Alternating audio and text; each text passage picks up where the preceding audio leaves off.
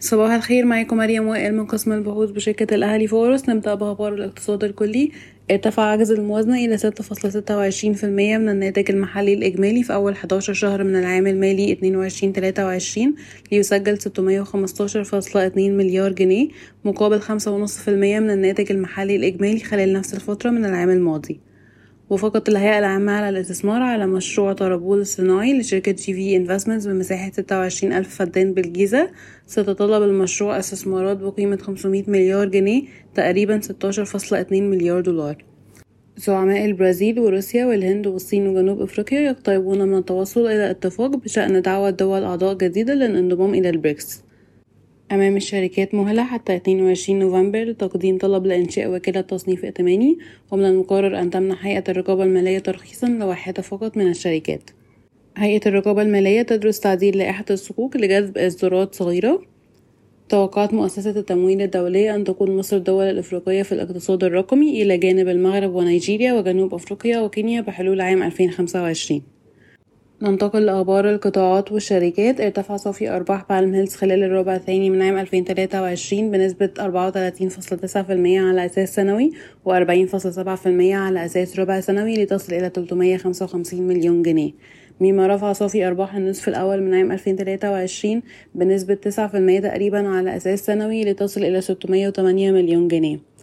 وصلت مبيعات الربع الثاني من عام 2023 إلى 12.9 مليار جنيه ودي زيادة 150% على أساس سنوي و90% على أساس ربع سنوي.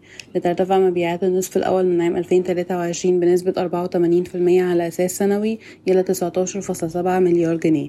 مدعومة بالمبيعات في بادية.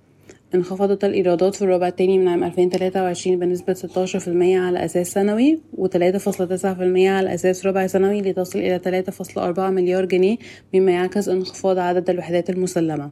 وأدى إلى وصول إيرادات النصف الأول من عام 2023 إلى 6.9 مليار جنيه مستقرة على أساس سنوي. وفقا لوسائل الإعلام المحلية فإن شركة أوراسكوم للتنمية خصصت 22 ألف متر مربع للسياحة الطبية في أو ويست وتجري حاليا مفاوضات مع المستشفيات.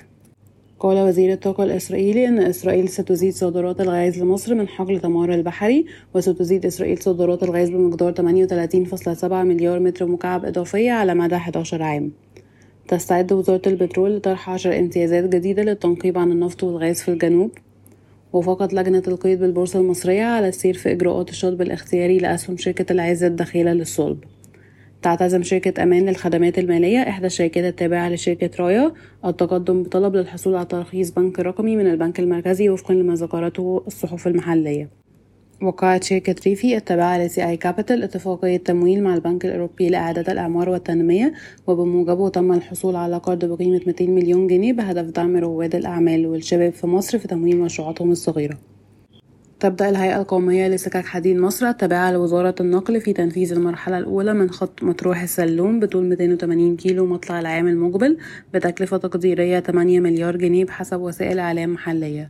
شكرا ويوم سعيد.